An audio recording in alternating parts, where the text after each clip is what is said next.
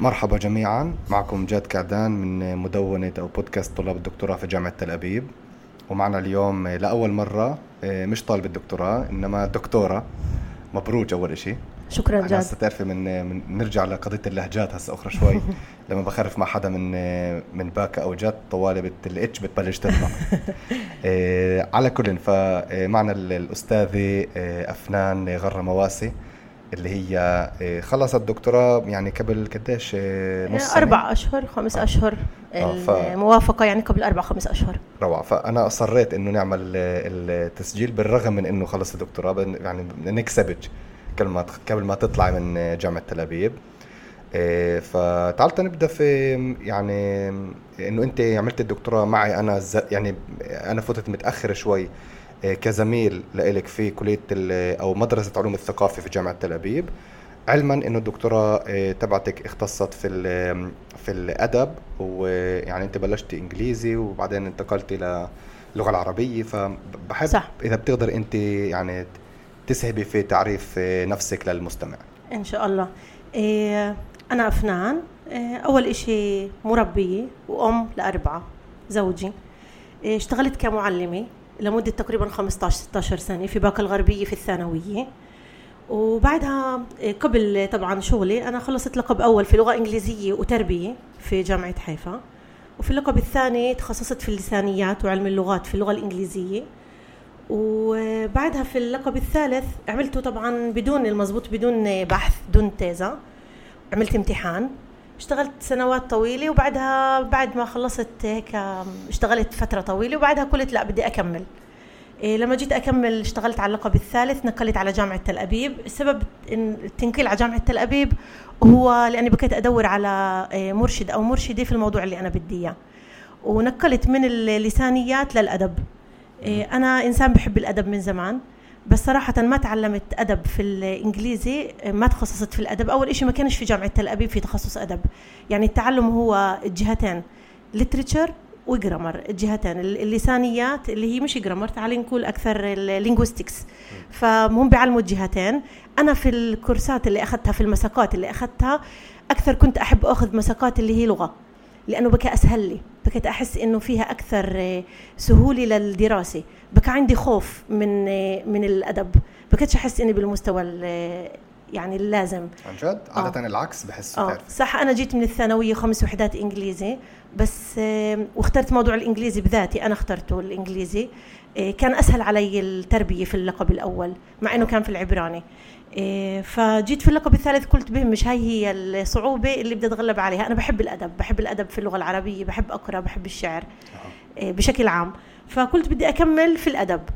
وبكى في فترة اللي فيها بكيتش عارفة بالضبط شو بدي أبحث بس أنا عارفة إنه صار لي 14 15 سنة بشتغل وحابة أغير حابة يعني حسيت إنه خلص في المدرسة مع إني كنت مبسوطة كمعلمة. فالمشوار اللقب الثالث كان طويل كان طويل زي ما قلت أنا أم. وبكى إيه، تعالي نقول برضه في وحدة معينة مش سهل. إيه، تقريبا إيه، أخذ لي مش أقل إذا بدي أحسب ال completing requirements اللي هن الاستكمالات اللي أعطوني إياها على أساس إني أقدر أبدأ في الدكتوراه. تقريبا سنتين عشان أبدأ في الدكتوراه. فأنا عملت MA thesis بالأول وعملت فيها مقارنة. قارنت بين أدب إيميلي ديكنسون شعرها وبين شعر فدوى طوقان. أخذت فدوى طوقان من القرن التاسع عشر وإيميلي ديكنسون من الثامن عشر وحكيت عن breaking silence وعن لغة المرأة وهون فتت في الموضوع اللغة والنسوية. بعد السنتين هذول أجا وقت إن نكتب مقترح لدكتوراه وبعدها برضو أنا فت بحمل بمريم وبتقدر تقول إنه بشكل رسمي ما عملتش توقيف لتعليمي بس أنا وقفت ما اشتغلتش تقريبا طول فترة الحمل على الوظيفة. والمقترح اللي قدمته قبل ما أخلف مريم لم يقبل. إيه، أنا أخذت إيه، غادة السمان بالآخر بس بالأول قبل ما أقدم المقترح الأخير عن غادة السمان كان عندي إيه، المقترح الأول كان عن شغلتين. كنت أكمل أخذ الجهة العربية والجهة الأمريكية بكوربوس أكبر بنطاق أكبر بأكثر بحث أعمق وأكبر وأطول. فطلع إنه صعب إني أسيطر على الموضوعين. وارتفض المقترح. فأخذت نفس. تم رفضه قبل الولادة ولا بعد؟ قبل قبل الولادة. اصعبها آه. بعد الولادة آه، كتبت مقترح جديد. مقترح يعني جدي قد إيه أخذ لي؟ سنة تقريبا. أوف. آه. المقترح قصير بشكل عام إيه، لا يتعدى 30 صفحة المقترح. بس طبعا الشغل عليه كثير شغل آه. بس أنا استفدت منه كثيرا يعني مش شوي. بس بس بكى بسهولة بقدر يعني نفسيا يبقى محطم يعني. طبعا ما كانش سهل ما كانش سهل علي. وبرضه أنا بحب أحكي برضه عن هاي التجربة. أنا كمعلمة إيه، كنت أحس بقيمتي يعني في المجتمع صراحة. ولما طلعت من المدرسة يعني كنت أحس في الطلاب محبتهم. إيه، بقيت أحس برضه إنه أنا بأثر على المجتمع وجودي في المدرسة معاملتي مع الطلاب. إيه، كنت مربيه إيه، مش بس معلمة. وكنت أحس بالأهل. وبشكل مفاجئ لقيت حالي لحالي في الدار بشتغل على البحث. البحث مش سهل إنك تشتغل عليه لحالك. مرة مش سهل. ف مش سهل تشتغل عليه لحاله فما بالك إنه برضه شغل وبرضه عائلة وبرضه بحث. صحيح. فهنا إيه، بعد ما خلفت مريم انفتحت الأمور قدامي الحمد لله. جيتها خير يعني. خير آه. إيه، فهون بدأت أنا في المقترح جديد وحسيت إنه نسبيا نسبيا يعني مشت الأمور إيه، مش سهلة. بقدرش أقول إنها سهلة بس مشت منيح. كتبت مقترح انقبل المقترح بعدها صرت أكتب تشابتر تشابتر يعني فصل فصل. أنا من النوع اللي بحب يشتغل شوي شوي. يعني أنا بعرف كثير زملاء اللي مثلا بالنسبة للتحرير اللغة والتدقيق كانوا يودوا بس يخلصوا الدكتوراه. في اللي زميلي يهودية كانت معي في آه، في نفس القسم في في العلوم والثقافة. قالت لي إنه آه، المرشدي نفس المرشدي أنا وياها. أنا عندي مرشدين اثنين. واحدة من قسم الإنجليزي وعندي من قسم اللغة العربية بروفيسور جيريس خوري وبروفيسور أركلاي آه، جوت من قسم اللغة الإنجليزية. هي كانت عند نفس المرشدة. حكت لي إنها انجنت لما عرفت إنه هي مأجلة كل التدقيق اللغوي والتصليحات للآخر. أنا كنت أشتغل فصل فصل. الإشي ساعدني بس بكى صعب. بقول لك ليش بكى صعب؟ في مرات بكيت أنا أسلم آه، مثلا آه، فصل لبروفيسور جيريس وبرضه لالكالاي في نفس الوقت بروفيسور الكالاي تعالي نقول هو كان بشكل عام يرد قبلها ويعطي ملاحظات كثيرة ويقول لي أعيد. وبعدها تعطيني هي ملاحظات أوكي؟ أخذ الملاحظات من الاثنين أغير ال chapter أرجع لهم إياه. وبعدها أعطيه للمدقق والمدقق المضبوط كان من يعني من نفس المجال. وكان هو برضه له رايه بقدر أنا أتجاهل رايه بس بكيت أحس ملاحظاته برضه مهمة. فكان عندي زي ثلاث نا... ثلاث ناسات معي بتساعدني أو بتعطيني رأيها وبتدقق لي. فما كانش سهل. في مرات كان يعني فصل كامل يقولوا لي يعني مش هيك لازم ينكتب عيدي. الكتابة بحد ذاتها إيه، كانت إشي صعب علي. مش إشي سهل. بس اليوم أنا بقدر أقول إني تطورت كثير في الكتابة. كثير يعني بالكتابة باللغة العربية ولا بالإنجليزية؟ باللغة الإنجليزية وبالعربية كثير تحسنت لأني أنا قرأت كثير في العربي يعني بحثي ممكن زي ما بدك جاد ممكن نقل نحكي عن البحث في في اللقب الثالث موضوعه وأحكي شوي عنه لأنه أكيد طبعا هذا موضوع الدكتوراه. بس قبل ما نفوت عليه لأنه هذا موضوع بحد ذاته يعني نفتحه بشكل موسع بدي اتطرق لمسألة الكتابة باللغة الإنجليزية أو أو تعال نبدأ من الأول القصة.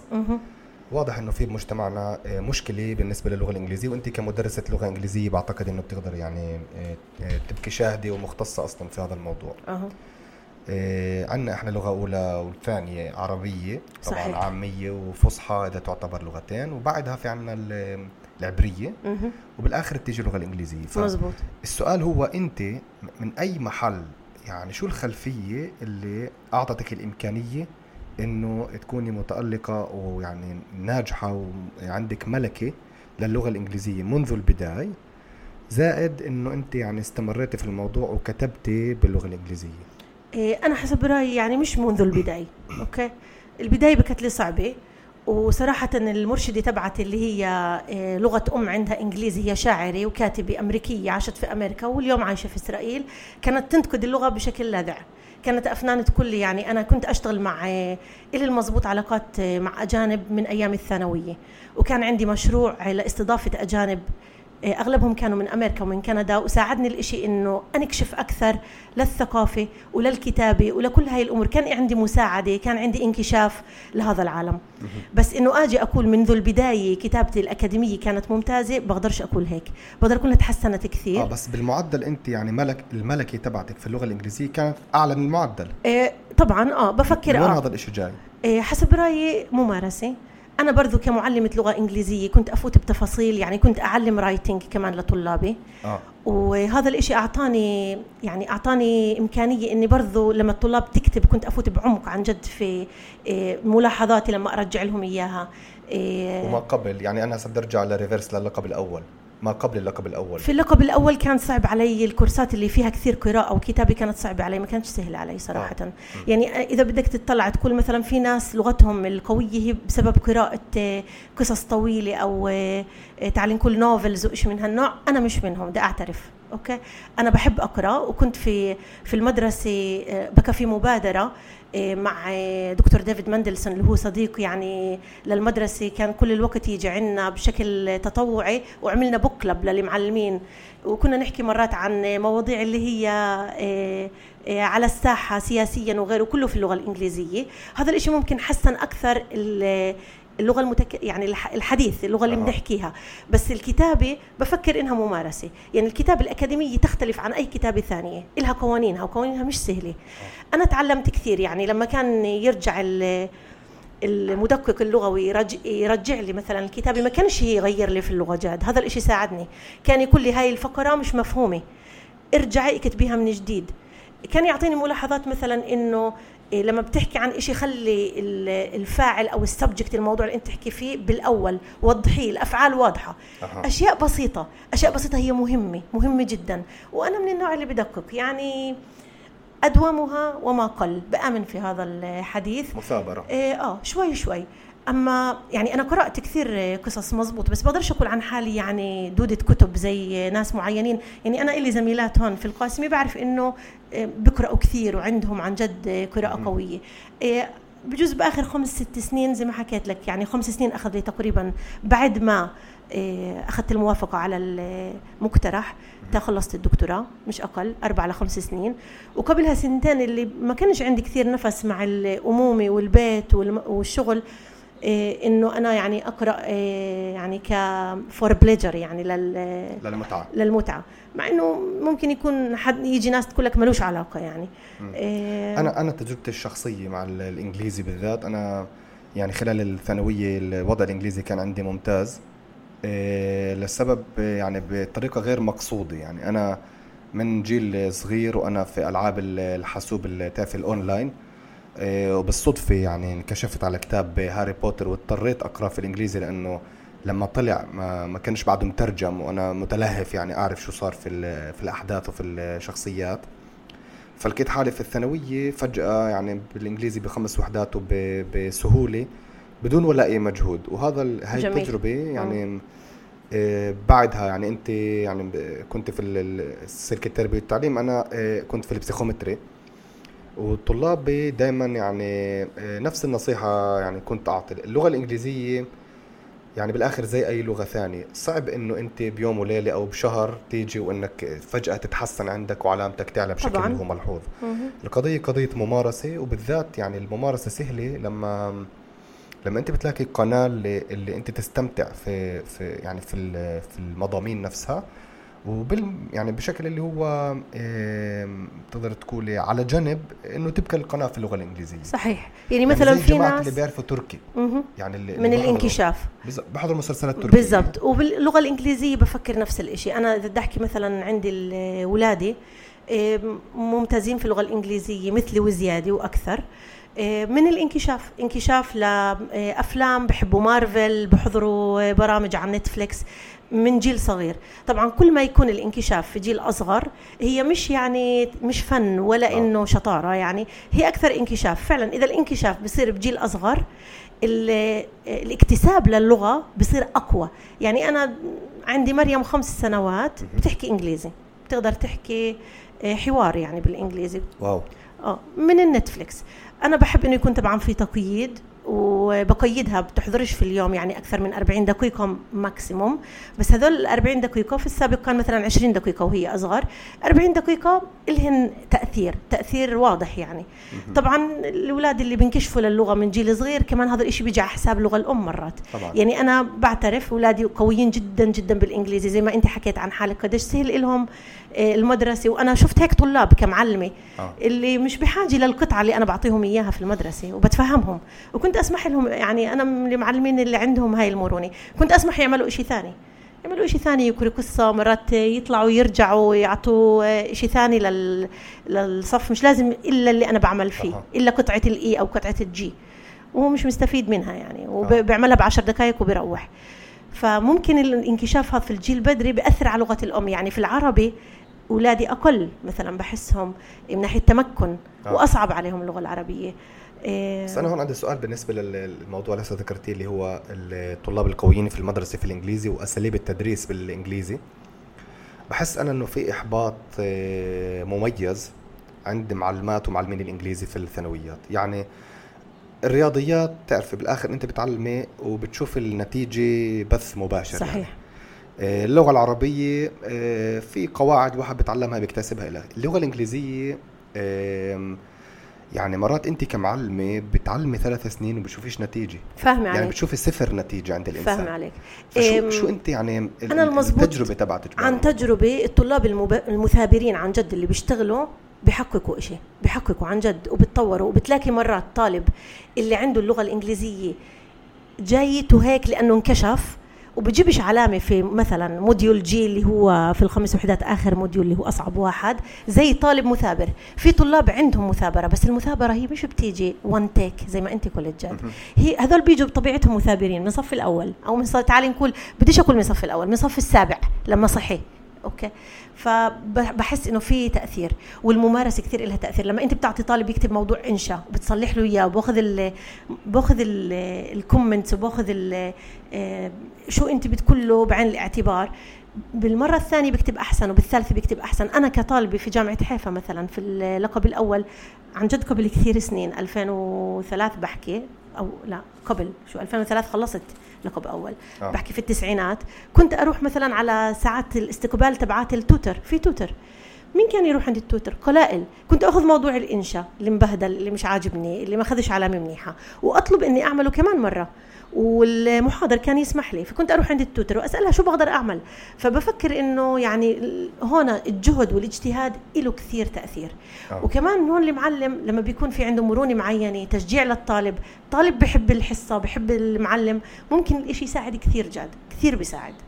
يعني حسيت بعلاقة خاصة مع طلاب الثانوية. أنا كمعلمة ثانوية كنت جدا سعيدة ب إني أتعامل مع ناس واعيين طلاب كبار عندهم تقدير للمعلم وأنا عندي تقدير لهم يعني حتى لو في صف كامل فيه 30 و40 بتحس إنك أثرت على طالب واحد أو بعد عشر سنين بتلتقي فيه بقول لك أنت علمتني إنجليزي صح. وأثرت علي أنا لأنك علمتني آه. إنجليزي آه. أنا أنت ما علمتنيش بس أنا شاهد على هذا الشيء يعني كنت من أصدقاء اللي هم طلابك وسمعت كذا مرة قبل ما ألتقي فيك أصلا المرة الأولى آه اسمك وبرن يعني ف آه أنا يعني هون في شهادة زي ما تقولي آه، حاسمة في هذا الموضوع. هو التعليم رسالي يعني المدرس عن جد رساله مش مش شعارات. أوه. انت هون بتشوف برضو كل كل طبقات المجتمع عندك في المدرسة. أنا مميزني إشي عن جد صح أنا من جد وجوزت عباكه بس بصراحة طلاب كانوا عندي سواسي يعني في في طالب علمته كان ابن لمعلم معي عرفت بجوز بصف 12 إنه ابن لمعلم. آه. إيه، ما كنتش أطلع على هاي الأمور يعني ما في محسوبيات. عن جد الطالب هو هو له قيمته له الورثنس تبعه كطالب. هذا أهم شيء على فكرة. أنا حسب رأيي فيش شيء اسوء بيقدر المعلم يسويه من إنه يفرق بين الطلاب بشكل اللي هو يعني غير نزيه. إيه، وفي طلاب اللي بيضلوا كل الحياة على فكرة حاملين على معلمين اللي كان في عندهم تفرقه من هالنوع. صحيح. إيه، بس إذا بنرجع آخر يعني سؤال عن تجربة التدريس لانها يعني أنا مثيره بالنسبة لي. انت كمعلمة ما, ما كانش في عندك يعني فترات اللي فيها إحباط متراكم؟ يعني قديش الواحد يبقى عنده طاقة؟ بلا كان عندي. كان عندي. إيه أنا بصراحة في البداية كنت كل الوقت أعلم الطلاب القويين. كنت أخذ أقوى طلاب في المدرسة. بس أجى وقت إني برضو أعطي غيري أتنازل. وغيري ياخذ الخمس وحدات. مش بس أنا أعلم الخمس وحدات. فبهاي الفترة آه، أخذت الصفوف اللي كانت آه، أصعب. وطلاب اللي يعني لغتهم الإنجليزية مش منيحة. وفي ناس بدهاش تتعلم صفوف كاملة مثلا آه، مش كثير في عندها حافز للتعلم. فما كانش سهل. والبرنامج في المدارس مش سهل. يعني أنت لما بتفوت بتعلم من الصبح مثلا عندك وظيفة كاملة بتعلم من حصة أولى لسادسة مع استراحة واحدة مش إشي بكى سهل علي مش إشي سهل فأنا المزبوط يعني جربت الجهتين التعامل مع الطلاب طبعا الأقوى هو أسهل بس في تحدي وكمان لما علمت الطلاب اللي أقل من ناحية مستوى باللغة الإنجليزية ممكن يكونوا هم طلاب بارعين ورائعين في موضوع ثاني مش شرط على فكرة في آه. طلاب. فاه كان في صعوبة في صفوف يعني معينة أو كبرنامج. إيه تعبت من البرنامج تبع المدرسة في فترة معينة. إنه كل يوم أنا إيه برنامجي بكى مش سهل. سبعة وثلث أنا في السيارة. أنا من النوع اللي بحب بكى يوصل بدري يعني هيك ال doing عالي. وتعلمت مع الوقت جاد إنه مش بس ال doing يبقى ال doing كثير مهم. إنه كده أنا بنجز في اليوم. وأنا من النوع اللي بكى ينجز عن جد ينجز. يعني بتذكر برنامجي كأم ومعلمة بكيت أقوم أربعة ونص. الصبح. الصبح. آه. الصبح بطبخ. واو. برتب الدار. إذا في عندي إشي للمدرسة برضه في مرات كنت اجله من الليل أعمله الصبح. سبعة وثلث الأولاد في السيارة أنا أوديهم وهم صغار. آه. كنت أنا أبعثهم على الروضة بستان مش مهم وين. وعلى المدرسة بكون من أوائل المعلمين اللي واصلين على على الساحة. فهذا الإشي بقى قوي قوي ال doing تبعي. بس أنا تعلمت شوي شوي لقدام إنه برضو أعيش الإشي. مش بس أعمل. يعني بتتعلم إنه ال being مهم كمان. تحس في الإشي ال- ال- بالعبراني ال חוויה الحضور. التأمل الحضور بالضبط. مش يعني كنت في فترة ال mindfulness بالضبط. في فترة حسيت إنه فيها كثير doing أكثر من اللازم. فأنت بتحسش ساعتها بصير ساعتها يعني إرهاق بسبب العمل زيادة. overwork يعني. جدا. آه. وضغط وعصبية وبدك تخلص ويلا اللي وراه بدك الأولاد يكبروا. فبحس بفرق بين يعني الفترة الأولى من حياتي مع الشغل مع انها كان عن جد ال- الإنجاز فيها رائع. آه. إيه، ولكن الفترة اللي بعد مثلا لما بلشت في الدكتوراه وخلفت مريم حسيت أكثر experiencing أكثر حلو. أكثر being في الأشياء اللي بعملها ولو أقل. يعني أنا دشرت المدرسة وما كانش إلي سهل أدشر المدرسة دشرت أربع خمس سنين أنا صار لي سنين مش في المدرسة. يعني وانت أنت دشرت بأي سنة؟ لما بلشت أعمل إيه، في الدكتوراه تعالي نقول 2017 هيك إشي. آه. أنا لا 2017 آه، قبل 2015 بديت أخفف من شغلي. أخذت طب بدي أسأل يعني كيف اتخذ القرار إنه دشر المدرسة؟ شعرت إنه أثقال في بيت وفي شغل وفي دكتوراه. لما أنا بلشت في في الدكتوراه حسيت إنه هذا تراك جديد مسلول جديد بده انتباه. وما قدرتش أحمل كل هاي الأثقال. يعني صار عمليا آه، آه، بلشت تحسي إنه أنت مش قاعدة تستمتعي أصلا في الأشياء صحيح صح. بديت أدور على شيء يعني جديد. ناقوس خطر يعني إنه بالضبط. والشيء الجديد بكاش ممتع. بكا في صعوبة اللي هو الدكتوراه. الدكتوراه دائما صعبة طبعا. مهم. يعني بالذات هاي الوحدة اللي أنت خرجت عنها في الدكتوراه يعني جدا آه، يعني بتثقل يعني. بس شكرا على المشاركة بالنسبة لتجربة التدريس. إذا بترجعي لورا السؤال الاخير. آه، كمعلمه من أول ما بلشتي سيروره التدريس في مدرسة آه، آه، آه، ابن الهيثم الثانوية، الثانوي. ال- وقتها كانت التكنولوجية مزبوط؟ اسمها؟ إيه، ولا شو؟ مش ابن الهيثم صح؟ هي كانت المدرسة الثانوية للعلوم والتكنولوجيا. العلوم والتكنولوجيا. بالضبط. شو شو بتعطي حالك كمعلمة مبتدئة نصيحة لو بترجع بالوقت؟ واحدة نصيحة. أنا رأيي بدون ضغط. يعني قدر الإمكان تنفس و mindfulness. وكمان إشي تحس في الطلاب. تحس من في أي الطلاب. ناحية؟ أه، بفكر إنه ال- الإشي الشعوري كثير مهم. آه. يعني ال emotional اليوم في أكثر آه، تركيز عليه قبل بجوز بك أقل. كثير مهم إنك تكسب الطلاب التعليم بيجي. آه. التدريس نفسه بيجي. كأصدقاء يعني؟ إيه تشوفهم.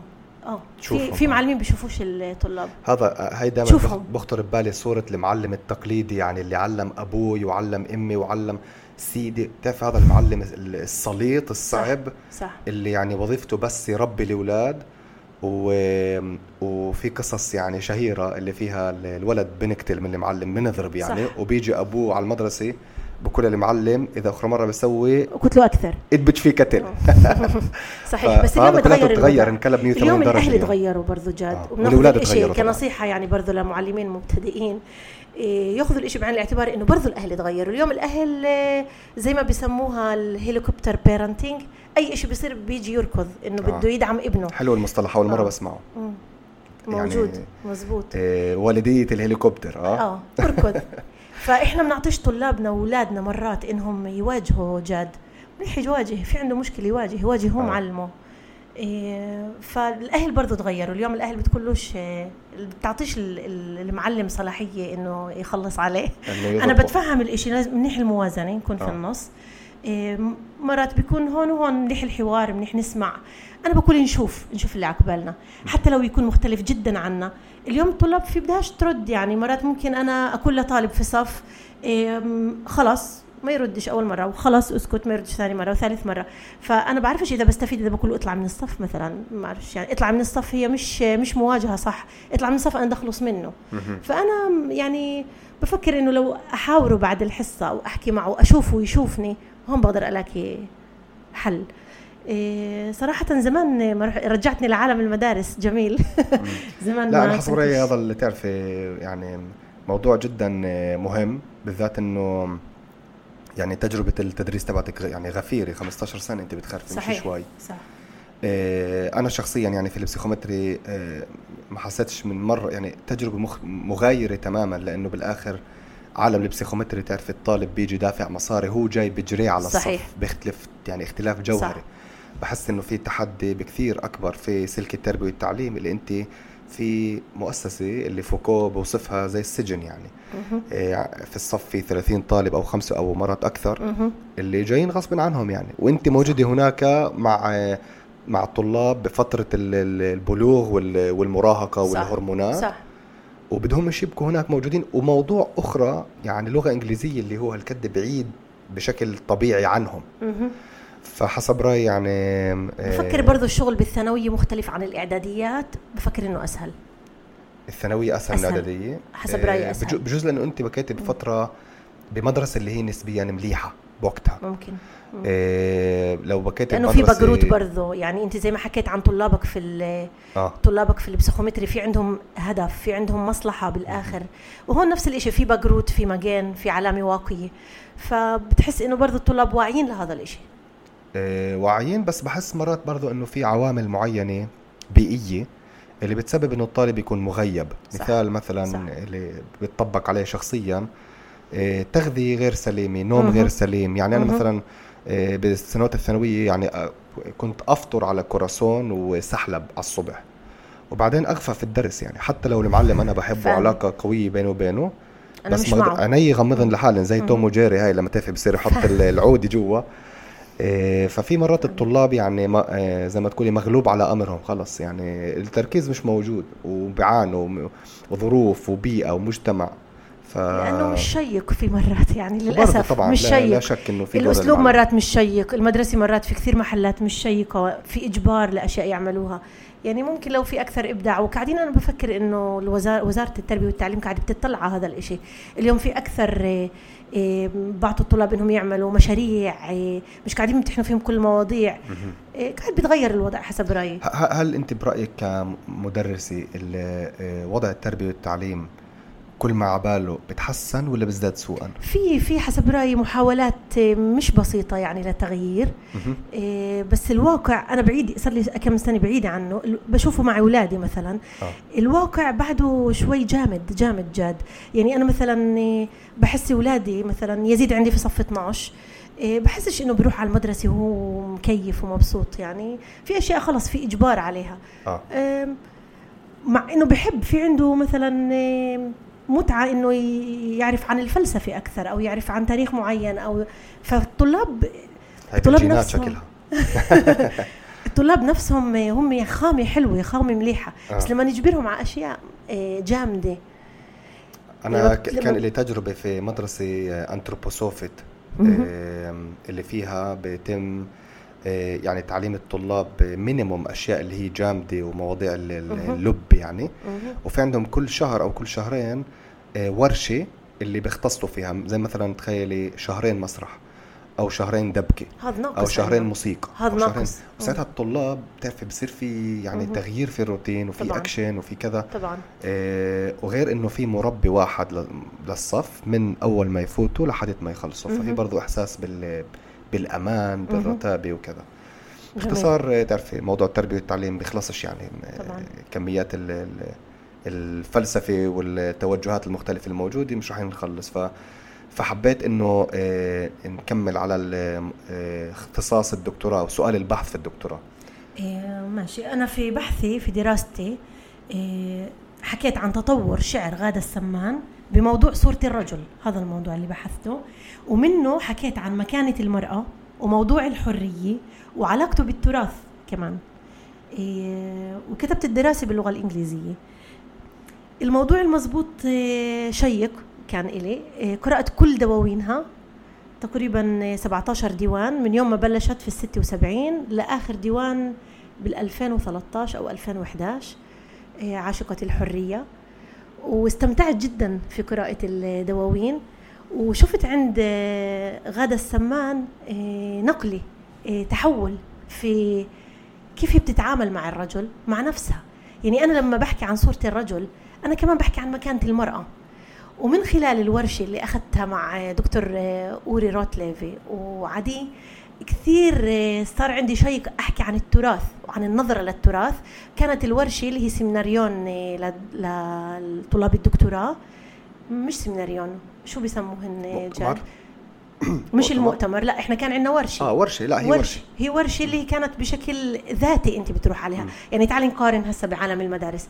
أنا ما حدا جبرني أروح على هاي الورشه أنا وصلني mail طلعت شفت ورشه عن الفلسفة. لها علاقة بال critique وال آه، والثقافة. فقلت ممكن كثير يساعد في الدكتوراه تبعتي. ممكن يكشفني لأشياء جديدة ورحت عليه. وعملته على مدار سنتين وبشكل تطوعي طبعا يعني ما حدا لا أعطيني عليه لا إيجار ولا كريدت ولا علامات ولا نقاط ولا إشي ما فيش حاجة. ومنه حسيت إنه موضوع التراث وكيف إحنا بنطلع على التراث من جوا ولا من برا صار أكثر هيك شيق إلي. وحسيت إني حابة أطور البحث أكثر وأكثر.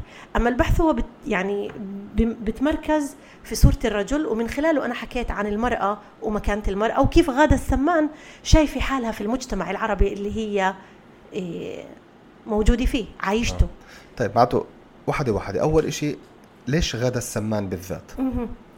اختيار الموضوع أول شيء تعال نرجع خطوة واحدة لورا. أنا آه. لما اخترت بالبداية في ال في ال completing requirements اللي هي الاستكمالات للدكتوراه اخترت فدوى طوقان فجيت فكرت إنه مين بعد فدوى طوقان يعني فدوى طوقان تعال نقول هي عبدت الطريق لنسوية من نوع آخر. يعني فدوى طوقان لما حكت عن عن الحب والرجل وانتقدت المجتمع مثلا حكت برموز آه، ثقيلة وكبيرة وجميلة. الرموز جميلة أنا بحب الاستعارات.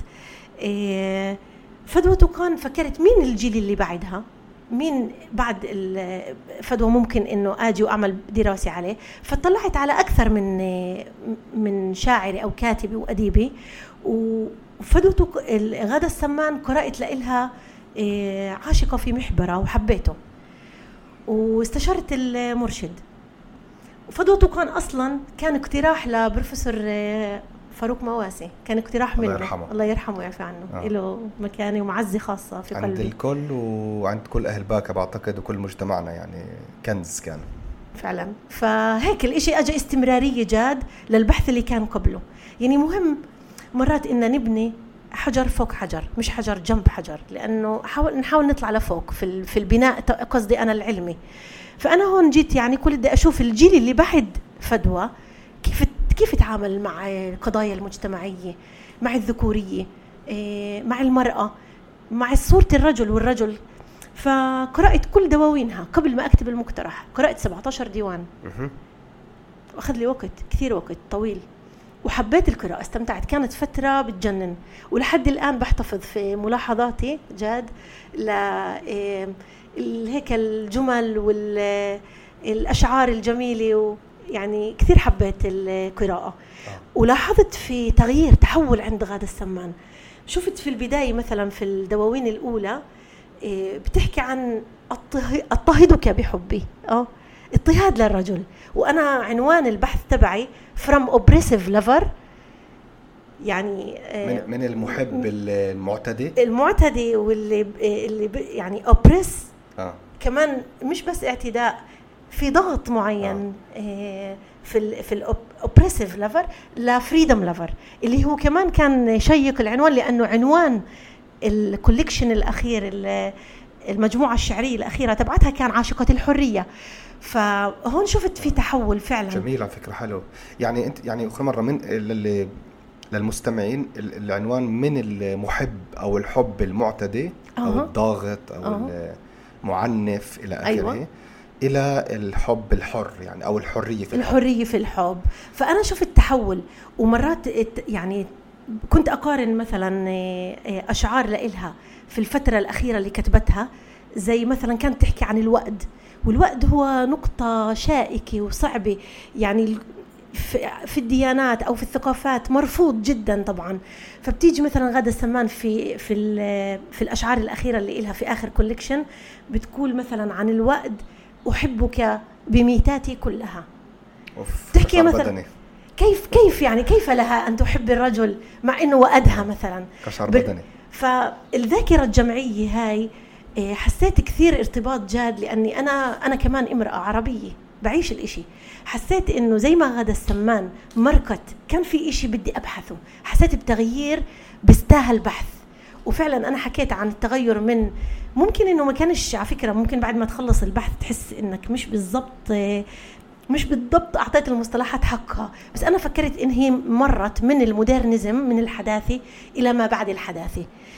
من ال modernism لل post modernism وفي ناس اعترضوا على الإشي. ليه؟ لأنه ال post modernism كمان بخربط. ال post modernism هو بيشمل ال modernism بقلبه. و في ناس اللي طلعوا على البحث تبعي وقالوا لي أفنان ال post modernism هو شوي آه، هيك رح يخربطك إذا بت بتضلك مركزة عليه. تعال نحكي أكثر عن الإشي عن التجربة تبعتها ككاتبة. إيه، غدا السمان استعملت مثلا أساليب أساليب مختلفة أجنبية في أدبها العربي. وفي في لها اقتباسات. ممكن أقرأ اقتباس؟ طبعا. بتحكي فيها عن كيف انه كيف إنه ال ال الدمج تبع آه، الثقافة الأجنبية مش لاقي الاقتباس قدامي بدي أقوله بكلماتي. آه، الدمج هذا تبع الثقافة الأجنبية خلاها ترجع لجذورها وتعطي هيك روح جديدة إلها. تنبعث من من جديد. يعني هي ما بتخليك تتحول وإنك تيجي وتقتبس الأدب يعني ال- الأدب الجديد اليوم في أدب جديد. الكتابة النسوية في لها ميزاتها. يعني المرأة مثلا كتبت أكثر عن المشاعر عن الألوان عن إيه، عن موضوعها النسوي عن الكتاب عن مثلا الحمل والميلاد وكذا. وهي مميزة فيه. ليه مميزة فيه؟ لأنها بت- بتعيشه. الرجل قد ما يكتب عن الولادة مثلا أو عن الامومه مش زي ما المرأة تكتب عن الامومه إيه، فهون غادة كان في عندها دمج ما بين الأساليب الأجنبية والثقافة الأجنبية وهي تعلمت أدب فرنسي وتعلمت أدب إنجليزي وسكنت. اليوم ساكنة غادة السمان في فرنسا في باريس. إيه، حسيت في إشي مميز بأنك تقدر تستغل ال- العالم الجديد المفتوح والثقافة الجديدة والثقافة الأجنبية وت- وترجع لجذورك ويكون عندك تقدير لإلها. تقدر هاي تدمجها. محورية جدا. بالمناسبة بس آه، يعني بدي نعمل فاصل إعلاني بالنسبة لغدا السمان. آه، فكرت تلتقيها؟ إيه بدي أصارحك. آه. من أول يوم بلشت في البحث والمرشدة تبعتي الأمريكية تقول لي أفنان لازم نلتقي بغادة. لازم نتواصل معها.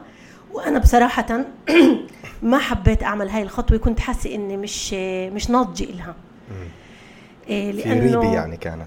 ريبة. أول إشي آه آه خوف لحد اليوم. أنا حاسة هسه ممكن. إيه غادة السمان بتكتب في في القدس العربية. إيه هي مجلة إلكترونية. وفي إلها إيه بشكل أسبوعي أو كل أسبوعين بتكتب مقالة بتكتب عن كل شيء. بتكتب سياسة بتكتب أدب. بتكتب تجارب ميموارز يعني آه. ان انجلش إيه فهي مميزة بس أنا كان عندي خوف وكنت حاسة إنه مش هسه الوقت إني أتواصل معها. يلا و- هاي فرصة آه، تفكري تعملي معها بودكاست إيه، آه غادة السمان مرة قرأت في واحدة من إيه، من المقابلات معها تركت المقابلة. ليه؟ لأنها المق... اللي كانت تحاورها اللي عملت المقابلة معها إيه، كانت غير واعية ومش عارفة أدبها منيح. ف... سيء. جدا. فحست إنه يعني مش مش لا. آه إنه مش لائق. أو انه أو إنه تجيبي غاده السمان وتقعدي تخرفي معها عن رسائلها لغسان كنفاني آه الكتاب يعني الأخير. كل كل ال ال الإرث ال أو الفكر وال والشعر تبعها والفن تبعها وتركزي فقط هي عندها جرأة جرأة غير مسبوقة في الكتابات تبعتها. إيه عندي الاقتباس آه. قالت غادة السمان أسفاري لم تقتلعني من جذوري. بل جعلت ارتباطي واعيا واختياريا. إنه اختيار من يعرف الاحتمالات الأخرى يعرف أيضا أن قدره هو في أرض عربية شاء أم أبى وأن رحم هذه الأرض هو الذي احتضنه وأنه بقدر ما يعرفها يعرفها يعرف ذاته. أنا بآمن في هذا القول. جذور جميل. جدا مهمه يعني إذا هسه بنرجع لهذا الموضوع بالذات آه، مع هاي يعني بروح الاقتباس الأخير اللي هسه أنت تفضلتي فيه آه، ظاهرة وأد البنات مش بالصدفة يعني هي كانت من الرموز آه، اللي الإسلام يعني دائما كان يتغنى بمنعها بتحريمها صح. صح. لأنه وقت البنات هي مش بس عملية عنيفة لحظية اللي فيها أنت بتجيبي بنت صغيرة بريئة بتحطيها بحفرة. وعمليا هي بتقدر تبقى رمز لدفن اللي هو مستمر ومتراكم تبع أنثى اللي بتعيش كل حياتها في تحت الركام وتحت التراب وصوتها مش مسموع و وما عندهاش الحرية إنها تعمل شو بدها. يعني في هنا حسب رأيي رمزية أوسع يعني من مجرد عملية إنه نقبر. طفلة في في في طفولتها لمجرد إنها أنثى. وغادة السمان بتقول طلعوا. بالرغم من موتاتي هي بتقول موتاتي صح, صح. بالرغم من كل هاي المرات اللي أنتم كبرتوني أنا بدي أحتوي. يعني بدي أحتويكم. وبنفس الوقت في نبرة اللي هي يعني جريئة ونبرة اللي بتقول إنه اسمعوا أنا هسا اليوم فتحت وواعية انكم أنتم كبرتوني. أنا واعية بعدي معكم بعدي موجودة صحيح. هون ما نكلتش معسكر ما رحتش على المعسكر الغربي أو أنكل ثقافي أو إلى آخره. إيه ف إيه وهي رسالة مثيرة لأنه بحس إنه في موجة يعني نسوية معينة اللي صحيح. هي إيه فيها فيها مغالاة قطيعة عن التراث وقطيعة عن صحيح. عن اللغة والثقافة والتاريخ. جميل. في هذا الموضوع بحب أقول برضو إيه، كيف غادة عن جد إيه، في البداية مثلا في الأشعار بنشوف قديش هي مضطهدة للرجل. كلمة أوبريسيف ممكن هون الكلمة بتيجي الاضطهاد بحبها للرجل. يعني قديش هي يعني كمان هون في فن في نوع من الاستعارة الفنية الجميلة إنه بحبك بس بضطهدك بحبي. لأنه في وكأنه ثار بين الرجل والمرأة. فهي فنية وجميلة في غضب. آه، آه. ولكن في النهايات في عندنا قصيدة عن شطرنج الحرية آه، في في في واحد من المجموعات الشعرية الأخيرة بتقول بدي أنا ألعب معك على شطرنج يعني الحرية. فهل ترضى؟ فهل ترضى أيها الرجل يعني؟ فهون بنحكي عن عن عن عن لعبة عن أخذ وعطاء. ما في يعني هاي المغالاة اللي أنت بتحكي عنها أو الانقطاع من التراث هو مش بمحله. يعني غادة حكت إنه عزل قضية المرأة عن قضية الرجل. يجعل كفاحها أحادي البعد. مفتقر للشمولية مفتقر للشمولية الثورية الإنسانية ككل. هاي من هاي من اقتباسات لغادة. أه. غدا بتقول إنه تحرير الرجل هو مطلب نسائي مزبوط صحيح. ولكن التحرر من المرأة والرجل عقبال بعض هو مطلب جمعي وجماعي. فأنا لقيت إشي مميز آه، في الموازنة ومش سهل توصلي لها. مش سهل توصل للموازنة. بس إذا بدنا نحكي عن النسوية وعن موضوع النسوية هو شائك. والنوازل النسوية حسب رأيي هي محل اللي عن جد يعني أنا بحاول كباحثة إني أربط بين اليوم بين البحث الأكاديمي اللي عن جد في انقطاع بين الاكاديميا وبين الأبحاث الأكاديمية والأكاديميين وبين الحقل. وهون أنا بفكر إنه التحدي تبعي. يعني إذا بدي أحكي عن تحديات أو مشاريع مستقبلية أو مشروع العمر جاد اللي هو مش سهل.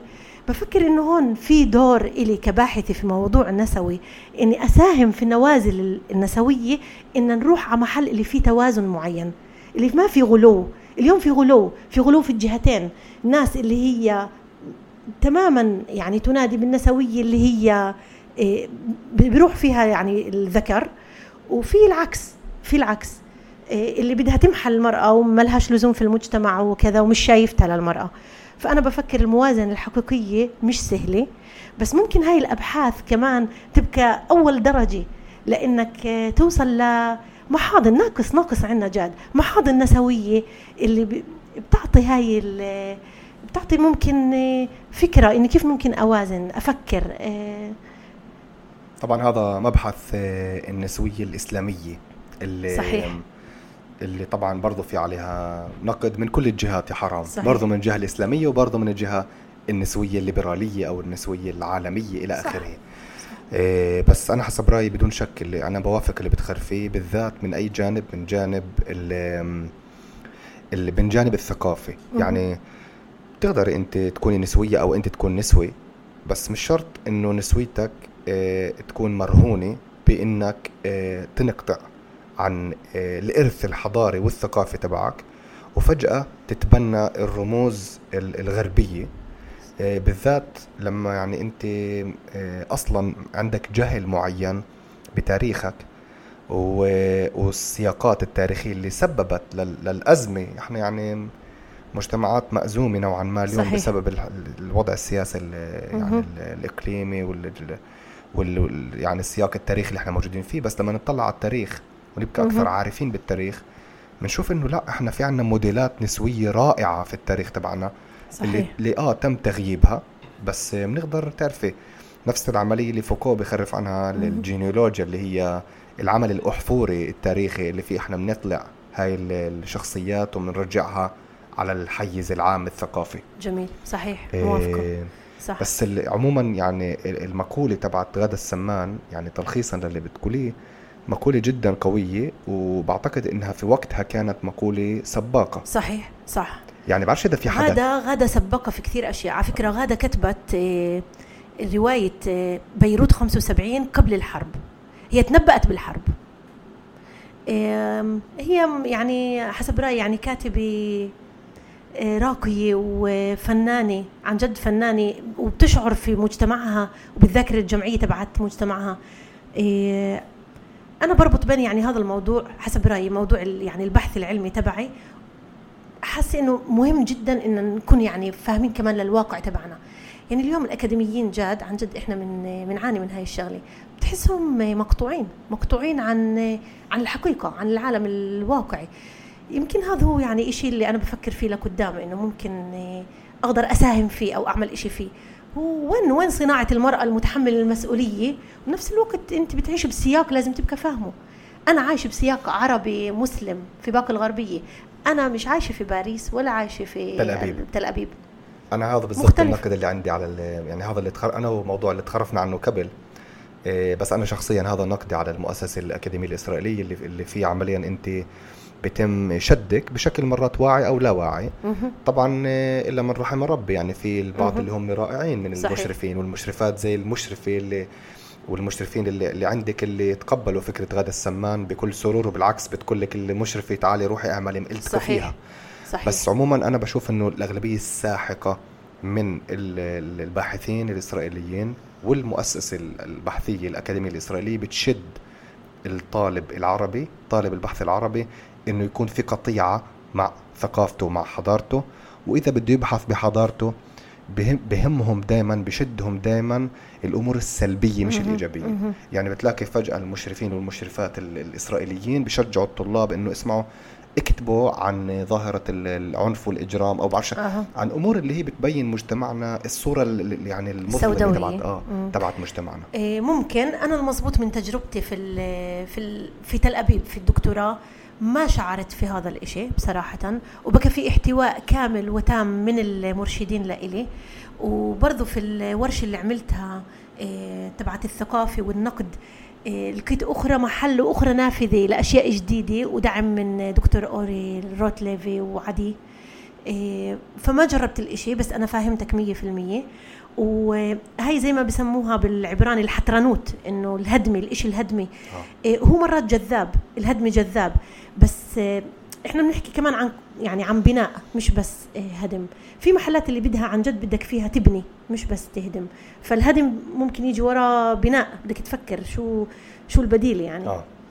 طيب إذا بنرجع أخرى مرة آه، لغدا السمان لأنه الموضوع بالنسبة لي جدا مثير. هاي التطور تبع شخصية الكاتب. اللي بتجلى في في الأدب تبع. الكاتب. طبعا أنا يعني أنا ربيت على محمود درويش بالدار فبرضه يعني بتعرفي محمود درويش من أبرز الأمثلة على على شاعر اللي شخصيته تغيرت وشعره بشكل متناسق تغير 180 درجة. إيه غادة السمان أنت بت... أنت قلتي إنه بلشت في في استعارات العنف في الحب التعنيف والغضب والحب المضطهد واضطهدك في حبي وإلى آخره. وانتهى فيها المطاف إيه للحب الرايق الحرية في الحب المساحة الشخصية. في لها جملة في قصيدة أنا لست عبدة لأحد ولا حتى للحرية. يعني حتى الحرية مرات بتخلينا عبيد حلو. جميل. يعني إحنا برضه بنركض ورا الحرية. مبدعة على فكرة. مبدعة. آه. مبدعة رائعة. يعني حتى الحرية أنت لما تلاحقها اليوم الكل بده حرية. freedom freedom okay. الحرية فيها عبودية معينة. فيها خسارة كمان للهوية مرات. ف إيه بالذات مفهوم الحرية الليبرالي النيو ليبرالي الامريكي هذا اللي اللي اللي بحط قوانين اللي فيها أنت بتشوفي مين حر ومين لا. إذا أنت امرأة ذات عيلة وخلفتي إذا أنت بالضرورة لست لست حرة. أها. إيه طبعا هذا بعتقد النقد تبع غادة السمان لما قالت أنا لست عبدا للحرية.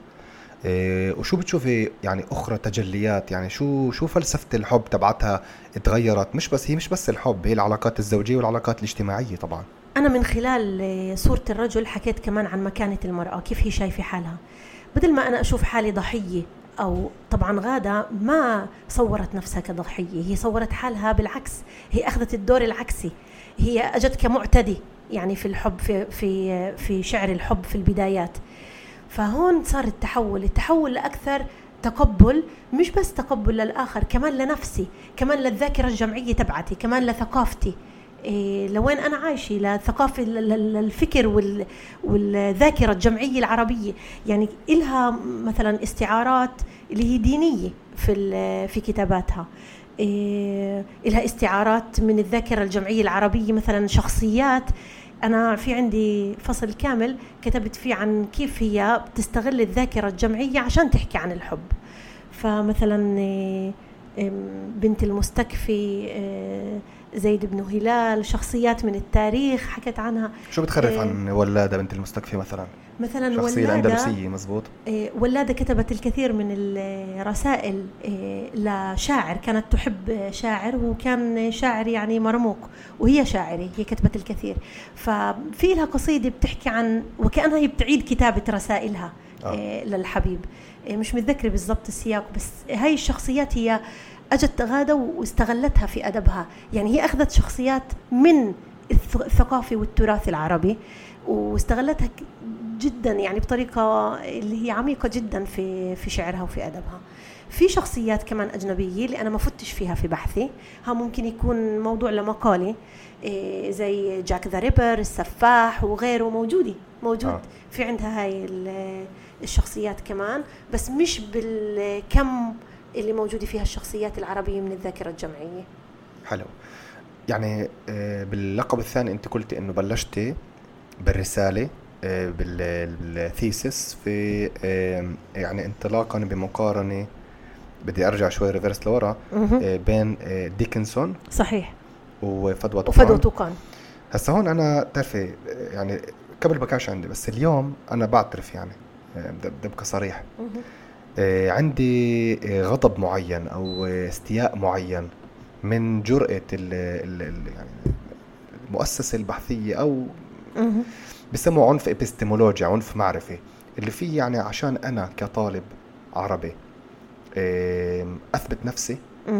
لازم امرق من طريق آه، من طريق الملك المعروف للآخر. ليش تني أنا أو ليش تنو أنت يعني تتعمقي في ديكنسون عشان بالآخر توصلي لغدا السمان فاهمه عليك آه. إيه الأدب المقارن عمليا أنا حسب رايي في يعني شيق. ليش؟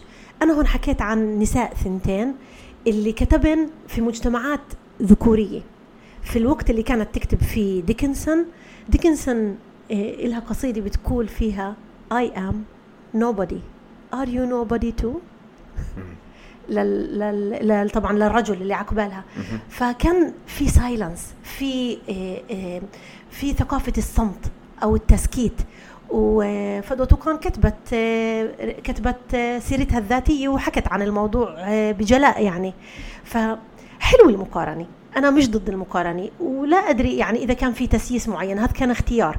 ممكن الاختيار هو اجى مني أنا لأنه أنا حسيت إنه عشان أكتب بالإنجليزي لازمني الجهة صح. الأجنبية وكأنه يعني نقص إذا أنا بروح بس على فدوى طوقان وما كان عندي هاي الجرأة إني آجي بالام اي أعمل بس فدوى طوقان لما أنت بتكبر شوي بالبحث وبال كمان شخصيتك بتقوى شوي بت هيك بتغز شروشي شوي أكثر بصير عندك الجرأة إنك تقول أوكي أنا اليوم بدي أبحث بس غدا السمان وبدي أكتب عنها بالإنجليزي بدي أكشفها للعالم آه، كله أو للناس اللي بتقرأ إنجليزي كمان. كمان شغلة أنا بفكر إنه مميز إني أنا كتبت عن غادة السمان بالإنجليزي. ليش؟ لأنه اللي كتبوا عنها بالعربي كثار وهم أضلع مني وأشطر مني وأقوى مني باللغة العربية مثلا. أنا مش تخصصي. ولكن لما أنا بكتب عنها ك آه، كثقافه ك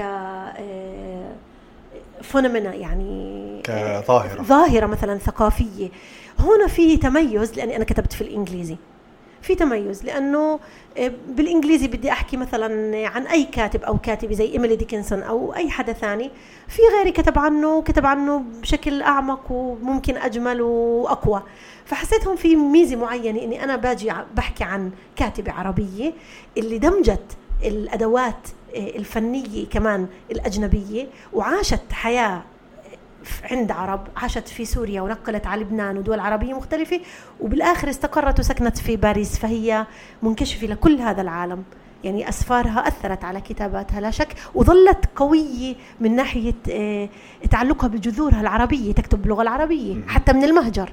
فبفكر إنه كان شيق المقارنة المقارنة أعطتني محل يعني تعالي نقول تريجر ابدا حلو. يعني سؤال هسا انت يعني أنا بعرف انه بفضل آه، مؤتمرات اخيرة قدمت أيضا مواد وأوراق باللغة العربية. فإذا بتحبي آه، آه، شوي توسعي بتجربتك كباحثة في الكتابة في اللغة الإنجليزية مقارنة باللغة العربية وهل عن جد فعل تغيير لغة الكتابة أو لغة البحث بحد ذاته بغير أسئلة البحث والأفكار والأنماط التفكيرية اللي في الداخل والمنطق الداخلي يعني التناسق تبع مبنى البحث وأيضا التجربة العاطفية تبعتك كباحثة. إيه بدي أبدأ من الآخر. التجربة العاطفية أكيد لأنه اللغة هوية. وأنا كان عندي برضه إيه بما إنه موضوعي أنا إيه تخصصي كان في أدب نسوي عربي. إيه أنا بحكي عن أدب نسوي معاصر عربي. هذا تخصصي. حسيت إنه أنا مليح كثير وأنا حابة أفوت على هذا المحل إني أحكي بالعربي عن وظيفتي. كمان أنت مرات بتكتب تكتب تكتب بس التعبير يختلف عن الكتابة. ومليح إنك تجرب وما تخافش. يعني كان عندي خوف من إني اخذ تجارب اللي أنا أحكي عن وظيفتي باللغة العربية لأني حاسة إنه المواد كلها كتبتها باللغة الإنجليزية وحضرتها وتعبت عليها. فهذا ال switch هذا التغيير مش سهل علي.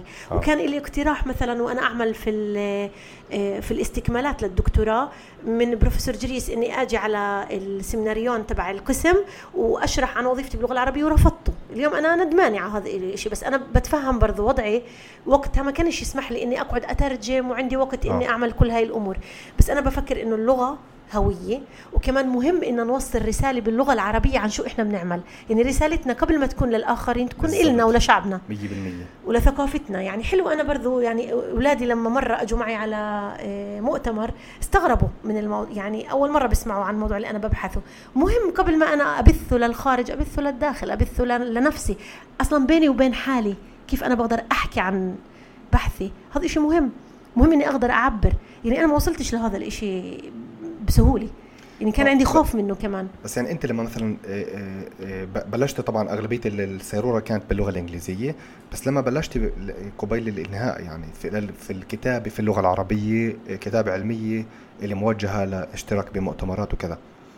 هل هذا الإشي يعني وأنت تكتبي بالعربي اكتشفتي أشياء جديدة وغير أسئلة البحث أو غير يعني فجأة شفتي أشياء اللي ما كنتيش شافتيها قبل؟ أنا خذت تجربة واحدة باللغة العربية كمؤتمر. المؤتمرات الباقي اشتركت آخر ثلاث ثلاث أربع سنين اشتركت بثلاث أربع مؤتمرات.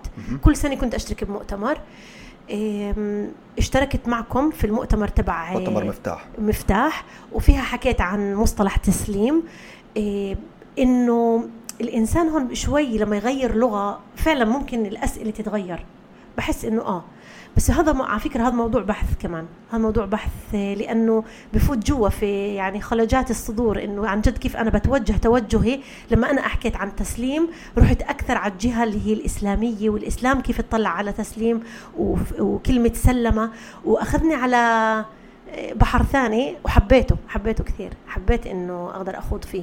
فممكن إنه فعلا أنت لما بتحكي بالإنجليزي أو بتبحث في الإنجليزي بخليك الإشي تروح على هذا المحل اللي هو أكثر أجنبي بس بفكر إنه حتى في بحثي عن غادة السمان التميز هو إنك تجيب معك هويتك وثقافتك وتبين قديش غادة السمان يعني وإنت كباحث أنا كتبت على فكرة في الدكتوراه تبعتي في ال conclusions في آخر فصل كتبت عن التحول مش بس اللي. اللي مركته غادة اللي أنا مركته كباحثه حلو يعني أنا حسيت بتحول مشابه لهي اللي wow. شعرت فيه يعني أنا جيت من برا الثقافة وكأني أنا بقول الثقافة ذكورية بالبداية مم. تعال نتعرف على هاي الثقافة الذكورية ونهدمها وكأنه واكتشفت بالآخر زي ما غادة إيه، صار معها إنه بالعكس التقبل لهاي الثقافة والوعي بيها هو المميز والقدرة على إنك تلعب اللعبة في مجتمعك مم. وتعيشها وت... يعني عن جد اكسبيرينس يعني بعتقد إنه فيش يعني إيه بتقدر تقولي يعني فيش إنسان أكثر محظوظ من الإنسان اللي بخوض في حياته المهنية تجارب اللي هي فيها محاكاة مباشرة لحياته الشخصية. صحيح. هون أنت بتخرفي عن صح. حالي من هالنوع. صح 100% إيه أنا بقدر أقول عن حالي يعني إنه أنا برضه مركت تغيير جذري إيه بكل ما يتعلق في العقائد مش بالصدفة قدمت عقيدة بالمؤتمر نفسه اللي انت قدمت فيه تسليم. صح. اللي الصراحة يعني تعرفي الواحد بيجي مرات من إيه نظرة دونية ذاتية استشراق ذاتي اللي انت طالعة من بلد صغير اللي أنا جدا بحبه ومتعلق فيه اللي اسمه باكا غربية جت بالنسبة لي برضه يعني نفس البلد. بتطلعي على المدينة بتهاجري للمدينة. أيوه. اللي اللي في مقالة بلد حكينا إنه فيها محاكاة أصلا لهجرة الرسول من مكة للمدينة. صح مدينة. صح. وهناك فجأة بتشوفي إنه ثواني شوي. آه، إحنا متخلفين ماديا حضاريا. من ناحية تعرفي من ناحية بنى ومن ناحية مؤسسات ومن ناحية انفراستراكشر وبنيه تحتية وكذا. صحيح. ف يعني الإحساس بالدونية لابد منه يبقى موجود. بس فجأة بعد ما تخوضي في التجارب وتخوضي في في في العلم وفي البحث وتنكشفي على الآخر مش بس الآخر العبري بالذات الآخر الأوروبي المستعمر اللي أجى استعمرنا مسبقا والآخر الأمريكي. وتشوف إنه ثواني شوي هذا هذا يعني لا يقل عني من مرة حتى مش بس لا يقل عني مرات يعني بتشوف إنه ثواني في ملان هراء يعني في ال في ال في الأعلام وإلى آخره. بديش أستخف أنا بالآخر بس توصل لهي النتيجة. اللي محمود درويش أنا يعني في مصطلح جدا بحبه عنده استعارة نافذة على جهتين. يعني أنت بتطلع من النافذة بتشوف الجهة الثانية بس بنفس اللحظة بترجع تطلع على نفسك. صحيح. وبتقدر نفسك من جديد صح. بتقدر إرثك وحضارتك وثقافتك من جديد وبترد تفتح الأسئلة اللي أنت يعني توهمت أصلا إنك زمان سكرتها آه. إيه هذا عند الإنسان الصريح والمحظوظ إنه يخوض هاي التجارب. يعني أنا اليوم خرفت الأصدقاء أصدقائي اللي في الدكتوراه بيبحثوا في العلوم الدقيقة والعلوم التقنية والهندسة. قلت لهم إنه أنا يعني بهذا المحل شوي يعني بحس إنه هم ما عندهم مش هاي الفرصة. فاهمي طبعا. فجميل جدا يعني اللي, اللي بتخرفي فيه. هاي السيرورة اللي اللي مريتي فيها شخصيا واللي يعني وصلتي أنت وهاي سلك الحرير هذا. اللي اللي غدا السمان بتخرف من الغضب والرفض لل... للقبول بس مش القبول الخنوع. إحنا بنحكي عن نقد نقد في الحالتين بس نقد من جوا ولا نقد من برا؟ حلو. في الحالتين في نقد والنقد مطلوب دائما وبدون نقد أنت بتتقدمش. هي تنتقد مجتمعها وتنتقد نفسها تنتقد ذاتها تنتقد ال... مش بس الرجل والمرأة والمجتمع وغيره والذكورية والسياسة وبتحكي عن كثير مواضيع. ولكن في البداية كان كيف أنا حكيت في المؤتمر الأخير يعني كانت ورقتي في هذا الموضوع from without from within من برا ولا من جوا؟ وكيف تأثيره؟ كيف ال critique هذا النقد ممكن يكون أكثر له impact أكثر له تأثير على مجتمعك وعلى حياتك وعلى حالك لما يبقى من جوا مش من برا؟ لما أنت شايف اللي عقبالك مش حاسس إنك أنت أحسن منه. مش تطلع تنشر الغسيل الوسخ عشان تثبت الولاء للآخر. أيوه. ف يعني المفروض إنك أنت إذا حابب مجتمعك وبدك تقدم نقد تقدم نقد اللي هو آه، بخرف بنفس المصطلحات ونفس اللغة تبعت الناس اللي بدك تتوجه لهم يعني. إذا نرجع شوي لتسليم. يعني أنت قدمتي تعال نوس... آه، نوضح الأمور لأنه لأنه يعني الفكرة غريبه شوي. هو مؤتمر اللي يعني أنا وأنت اشتركنا فيه اللي هو مؤتمر معجمي كل واحد بيختار مصطلح وبقدم عنه ورقة تبعت 2000 ل 3000 كلمة. إيه طبعا يعني ورقة علمية يعني بحثية علمية أكاديمية. وأنت اخترتي مصطلح تسليم. صحيح. ومش بالصدفة طبعا, طبعاً. من بعد ال ال عملية التسليم اللي غدا السمان إيه مثلا مرت فيها. صحيح. أنا استعملت هذا المصطلح. التسليم اللي صح. أنت برضه مريتي فيه صحيح. بس ليش اخترتي مثلا تسليم مش إسلام؟ أنا أخذت سبمشن في الوظيفة ولما أنا إيه، توجهي كان في يعني لما جيت على المؤتمر فكرت أخذ واحد من المصطلحات اللي كانت بارزة في البحث. فقصة إيه، السبمشن يمكن إنها تؤخذ وكأنها سلبية بس اللي هي خنوع. اللي هي خنوع. بس هون إحنا بنحكي عن تسليم اللي هو ممكن يكون مش شرط يكون سلبي ممكن يكون إيجابي. فأنت لما تسلم عمليا في الإسلام مثلا التسليم في الإسلام هو بيريحك. ليش بيريحك؟ لأنه إذا إحنا بنحكي عن حرية إلى ما لا نهاية بتختلط الأمور على بعضها. يعني أنا مثلا كمرأة مسلمة عربية بحس إنه في أشياء أنا مسلمة فيها وهي مريحتني. لأني أنا بعرف مثلا إنه في هذا الموضوع أنا بقدر هيك أو بقدرش هيك. في مواضيع اللي بدها بت. فالتسليم هو بيجي عن جد في محل اللي ممكن إحنا يعني تعالي نقول آه، في ال... في دائما reference point اللي الإنسان يعني ممكن يقيس حاله فيها. مرجع. مرجع. وين ال reference point تبعي؟ في مواضيع اللي فيها تسليم عن جد فيها تسليم معين. ومرات أنت بتوصل للتسليم بس بعد حرب زي ما صار مع غادة. مم. يعني غادة وصلت للتسليم بس بدون الحرب اللي خاضتها الأولى ممكن ما كانتش تقدر تقدر التسليم وأهميته لو ما خاضت الحرب الحرب كانت مهمة. وفعلا عملية ال subversive writing تبعها كان الهدمة والتحدي والتمرد كان بالعكس كان مهم. كان هي مرحلة مهمة في تطورها.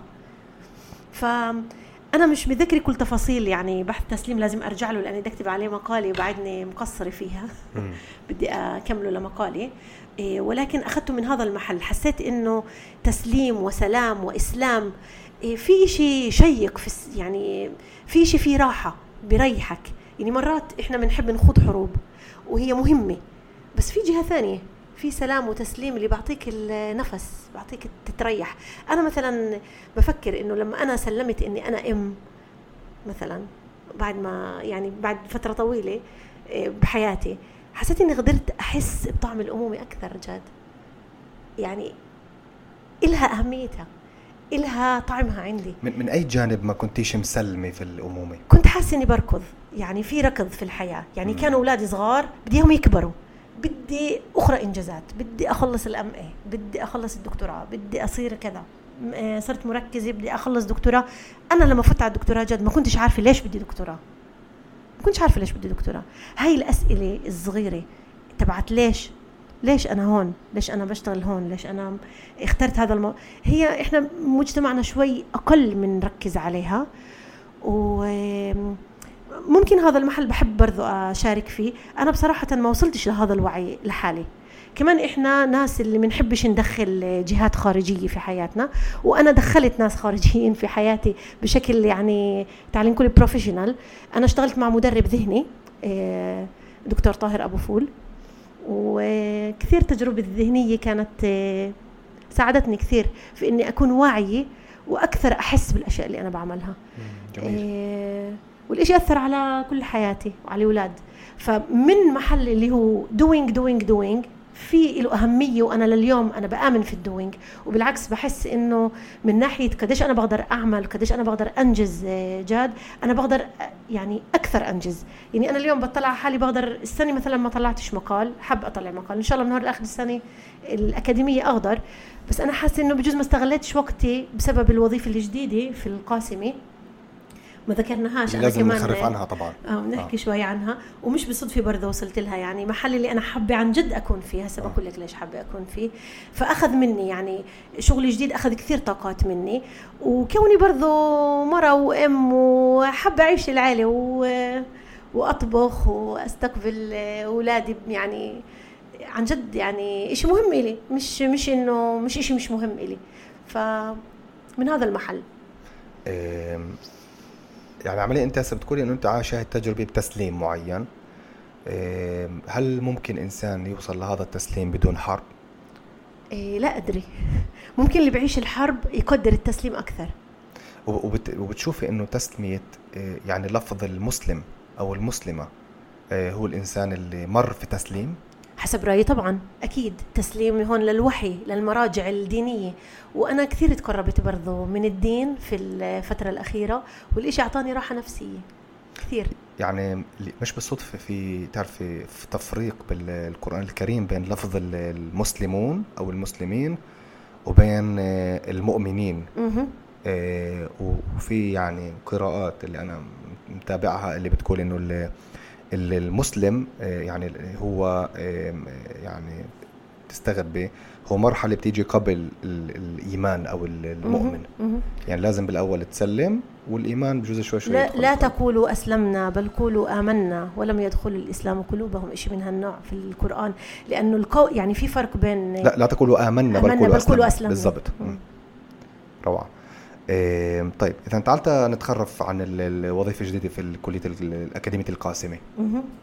إيه أنا إيه هون في عنا أنا مديرة مكتب العلاقات الأكاديمية الدولية مكتب صغير وعندي في المكتب كمان في عنا منسقة للمكتب إيه ليان عويسات مواسي. وإحنا مكتب صغير بنشتغل على ان نعمل علاقات أكاديمية حول العالم. أكاديمية بنحكي. يعني بنحكي عن إيراسموس. اتفاقيات اللي عن طريق ال European Commission ودعم من ال UN. الأخذ والعطاء مع الجامعات موجود ولكن قليل. إحنا بنسعى في المكتب إن نزيد هاي العلاقات. الانكشاف لجامعات كبيرة برا أوروبية إيه، بتعطينا فرصة إن نحسن ونتعلم ونشوف وننقل ونعطي نأخذ ونعطي. إيه، صراحة أنا حسيت جدا مناسبة لي هاي الوظيفة. أنا دورت عليها لأنه من محلين. المحل الأول أنه أنا حسيت أنه أنا بقدر وبحب أحكي القصة تبعتي. هم في قصة. هاي القاسمة أكاديمية هي أكاديمية بالأصل للعلوم الإسلام والشريعة. ومنها تطورت وصارت تتعلم مواضيع ثانية. فعندنا قصة مميزة. قصة مكتبة وجامع اتطور وبث العلم. وفي استعارة هون. قديش الإسلام بآمن هو مش مش دين اللي بيقيد دين مفتوح بيفتح. دين الإسلام اليوم بدعي أي حدا. من من يوم آه، ما بدأ الإسلام الدعوة للجميع طبعا. بحس في استعاره معينة في بث العلم عن طريق المحلات الأكاديمية. يعني كيف هون المكتبة بلشت تحت الجامع؟ وبدينا في العلوم الشريعة وكملنا لكلية اللي هي بتعلم كثير مواضيع طبعا في في التربية كلها في التربية. بس اليوم في عندنا طلاب بيتعلموا آه، حاسوب بتعلموا رياضيات بتعلموا علوم بتعلموا إنجليزي عبراني كل هاي المواضيع موجودة. آه، فحسيت إنه في ناراتيف في قصة. في قصة اللي أنا عن جد بقدر أسردها بطريقة جميلة. في قصة آه، لأقلية عايشة هون فلسطينية. مهم العالم مش كله بيعرف قصتنا. حلو نحكي قصتنا. يعني إحنا شاركنا إيه، أنا وزميلتين هون من القاسمة إيه، نائب الرئيس إيه، دكتوره عبير ومديرة مكتبه نغم بشارة في الأناضول كنا الأسبوع اللي مرق.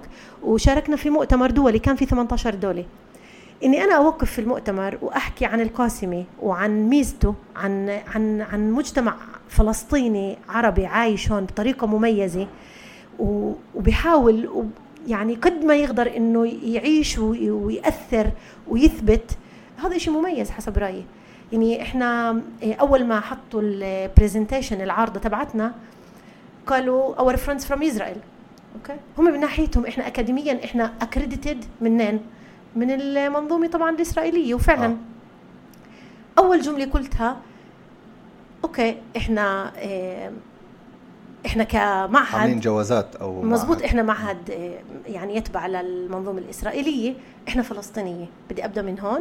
حلو. وبعدها حكيت كمان عن شيء مميز في القاسمة اللي هو 92 تقريبا في المية من الطالبات هون طالبات نساء. إيه هذا شيء مميز إنه إحنا بنقدر يعني إيه، نعطي حل للناس اللي بدهاش تطلع بناتها برا. آه. نعطي الدرجة الأولى ال- أول محل اللي الطالب بتقدر تبدأ فيه بالأكاديمية وتكمل. وتشوف ناس ونساء في القاسم اللي تقدمن وفي تعليم في تعليمهن وغيره. فحسيت إنه في في قصة في آه، في برضو بث لثقافتنا ثقافتنا أدبنا آه، قيمنا الإسلامية آه، كمان والعربية. أنا على محل. مهم إني أبقى فيه أنا أنا حسب رأيي يعني في الوضع السياسي اللي إحنا عايشين فيه الطموح تبعنا إحنا كفلسطينيين في الداخل هو إنه نحاول قدر الإمكان إنه نعمل حكم ذاتي بكل بكل المعايير وكل المستويات يشمل إنه تكون في عنا آه، أكاديمية جامعة. آه، خاصة فينا مؤسسات بحث خاصة فينا. فبدون شك ال- ال- القاسم هي واحدة من أبرز إذا مش أبرز آه، صرح أكاديمي في الداخل بس أنت هنا يعني آه، استثرتي نقطة آه، إشكالية تقدر تقولي. اللي أنا شخصيا ك آه، يعني مسؤول عن فرقة السريس فرقة الدبكة التمثيلية في باقة مهم. غربية كل الوقت بحسها ومش عارف أحلها الصراحة.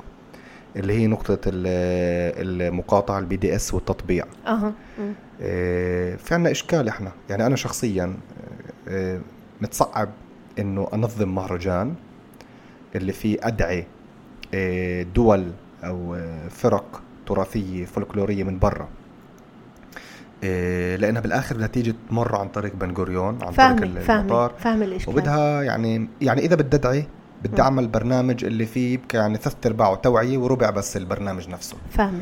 فأنت يعني شو بتحسي أول شيء هل بتشوفي مثلا صعوبة؟ هل في كثير ناس برفضوا يجوا بسبب ال BDS المقاطعة. طبعا في صعوبة. إحنا بنحاول مثلا نعمل علاقات أكاديمية مع دول عربية مثلا. آه. إيه بدون أي علاقة مع تمويل أو مش تمويل. إحنا نقدر نتعلم منهم يتعلموا منا. وخصوصا إنهم بيعلموا عربي وشريعة وغيره مثلا في دبي آه، في, في كثير دول ثانية الجزائر غيره. طبعا بيقدروش. إحنا في المؤتمر اللي كنا فيه في الأناضول كان في من الجزائر من لبنان من فما بق- بقدر أعمل معهم علاقات. ففي تقييد لا شك إنه في تقييد. بس إنه أنا آجي يعني أنا فاهمة إيه يعني الديليما اللي أنت موجود فيها إيه بس أنا بقول ما نحرمش حالنا من إنه نقدر نوصل للعالم رسالة معينة بإني أقول بدهم يمرقوا من بن غوريون وأنا كمان عشان أقدر أوصل لمؤتمرات أو غيره أنا إيه، موجودة في محل معين الإطار تبعي أنا عارفته. هاي هذا التعقيد إحنا عايشينه. بفكر إنه الفن ان نقدر إيه، ندبر حالنا فيه ومش نقاطع.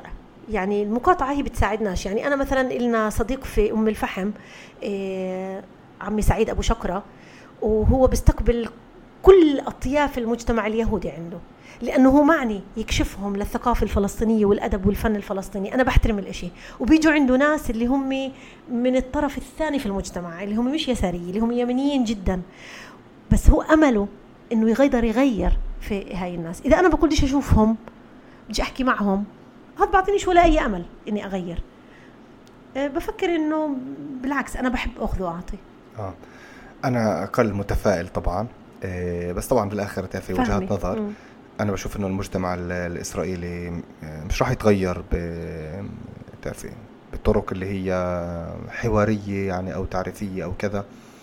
آه، وبحزني جدا يعني مثلا إنه ولا مرة قدرت إنه أستضيف أو أستضاف لا أستضاف بجزء آه بس أستضيف وأستفيد مثلا من جامعات فلسطينية زي بير زيت مثلا. أها. عندهم باحثين رائعين جدا. اللي اللي أنا بقدرش اليوم مثلا مفتاح المؤتمر اللي عملناه. ما ما, ما. فيش حدا بيقبل يجي. أوكي. إيه إحنا في القاسمة طبعا أجوا عنا على مؤتمرات. من بير زيت. أها أجوا حلو في علاقات يعني. آه في اجوا من جامعات آه، في الضفة واجوا من الأردن كمان. اجوا من المغرب. آه، في كان عندنا مؤتمر للغة العربية آه، للعلوم الإنسانية واجوا طبعا أخذنا لهم تصريحات وما كانش سهل عليهم وتغلبوا في الطريق وفي حواجز بتعرف حياة مش آه، سهلة آه. آه. بس اجوا استقبلناهم لأكثر من يوم كان عندنا مؤتمر للسستينابيلتي كمان آه، للاستدامة. وكمان آه، كان في عنا ضيوف من من الضفة وكيف حسيت التجربة تبعت التواصل مع العالم العربي لأنه إحنا فلسطينيين الداخل يعني محرومين من هذا التواصل الطبيعي المفروض يبقى طبيعي مع البحر العربي الموجود حوالينا لما لما استضفتيهم هون شو شو حسيتي؟ يعني شو شو إيه، الشعور؟ ألم. عن جد؟ عشانهم ألم. ولا ولا غصة؟ إن إيه، آه إنه في في هم متغلبين غلبه يعني تعالي نقول إحنا حياتنا أسهل بمحلات كثيرة مع إنه من ناحية هوية إحنا في عندنا صعوبة وفي عندنا أزمة أزمة هوية. هم ما عندهم أزمة الهوية بس عندهم أزمة يعني أزمة مجتمع أزمة حياة كيف يعيشوا آه. كيف يدبروا أنا, أنا الصراحة فكرت تقولي العكس. فكرت تقولي غصة على حالنا. آه. يعني إنه إحنا إنه إحنا مقطوعين من شجرة يعني. صح كمان صحيح. إيه طيب يعني صرنا دقيقة ساعة و20 دقيقة. الوقت آه، مرق بسرعة. إيه فعشان ننهي برضه أنا بديش يعني نتأخر عليك وعلى المستمعين. إيه إذا بتقدري تعطي إيه رؤية مجتمعية يعني وين حابة تشوفي أنت المجتمع تبعنا أخرى 10 20 سنة زائد أو يعني أنت تختاري شو بتحبي. نصيحة للمستمعين والمستمعات من من تجربتك وخبرتك الشخصية في الحياة. إيه نصيحة بفكر إنه يعني بنصحها برضه لحالي دائما مش سهلة علي. إيه محاولة الموازنة بين الأشياء. إيه مش سهل. يعني مرات إحنا بنفوت بمحل إنه بدنا ننجز أكثر وأكثر وأكثر. أنا بفكر إنه الشعور بالتجربة أهم من قديش أنا بدي أنجز أشياء. من ناحية وخصوصا من ناحية أكاديمية. والعالم الأكاديمي عالم جدا في منافسة. شرس. ومرات منافسة مش سهلة ومش مريحة بتخليك تتعب. فبفكر إنه قديش الإنسان بيكون يعني مربوط كونكتد للأمر البحث اللي هو بيعمله بيكون أسهل عليه يتعامل معه أكثر عنده نفس. السؤال الثاني رؤية. رؤية. مجتمعية. رؤية مجتمعية. من المحل اللي أنا فيه بفكر إنه نقص عنا في نقص عنا إيه، في نوازل نسوية إيه، محاضن نسوية توعي وتوصل لهذا المحل اللي ممكن يغير شوي في النظرة المتطرفة. بحس إنه في نقص. جميل. إيه طيب شكرا جزيلا على الوقت الممتع جدا. شكرا جزيلا للمستمعين وعلى أمل لقاء في حلقة قادمة. شكرا جدا لك جاد. يعطيك ألف عافية. فرصة لي شكرا.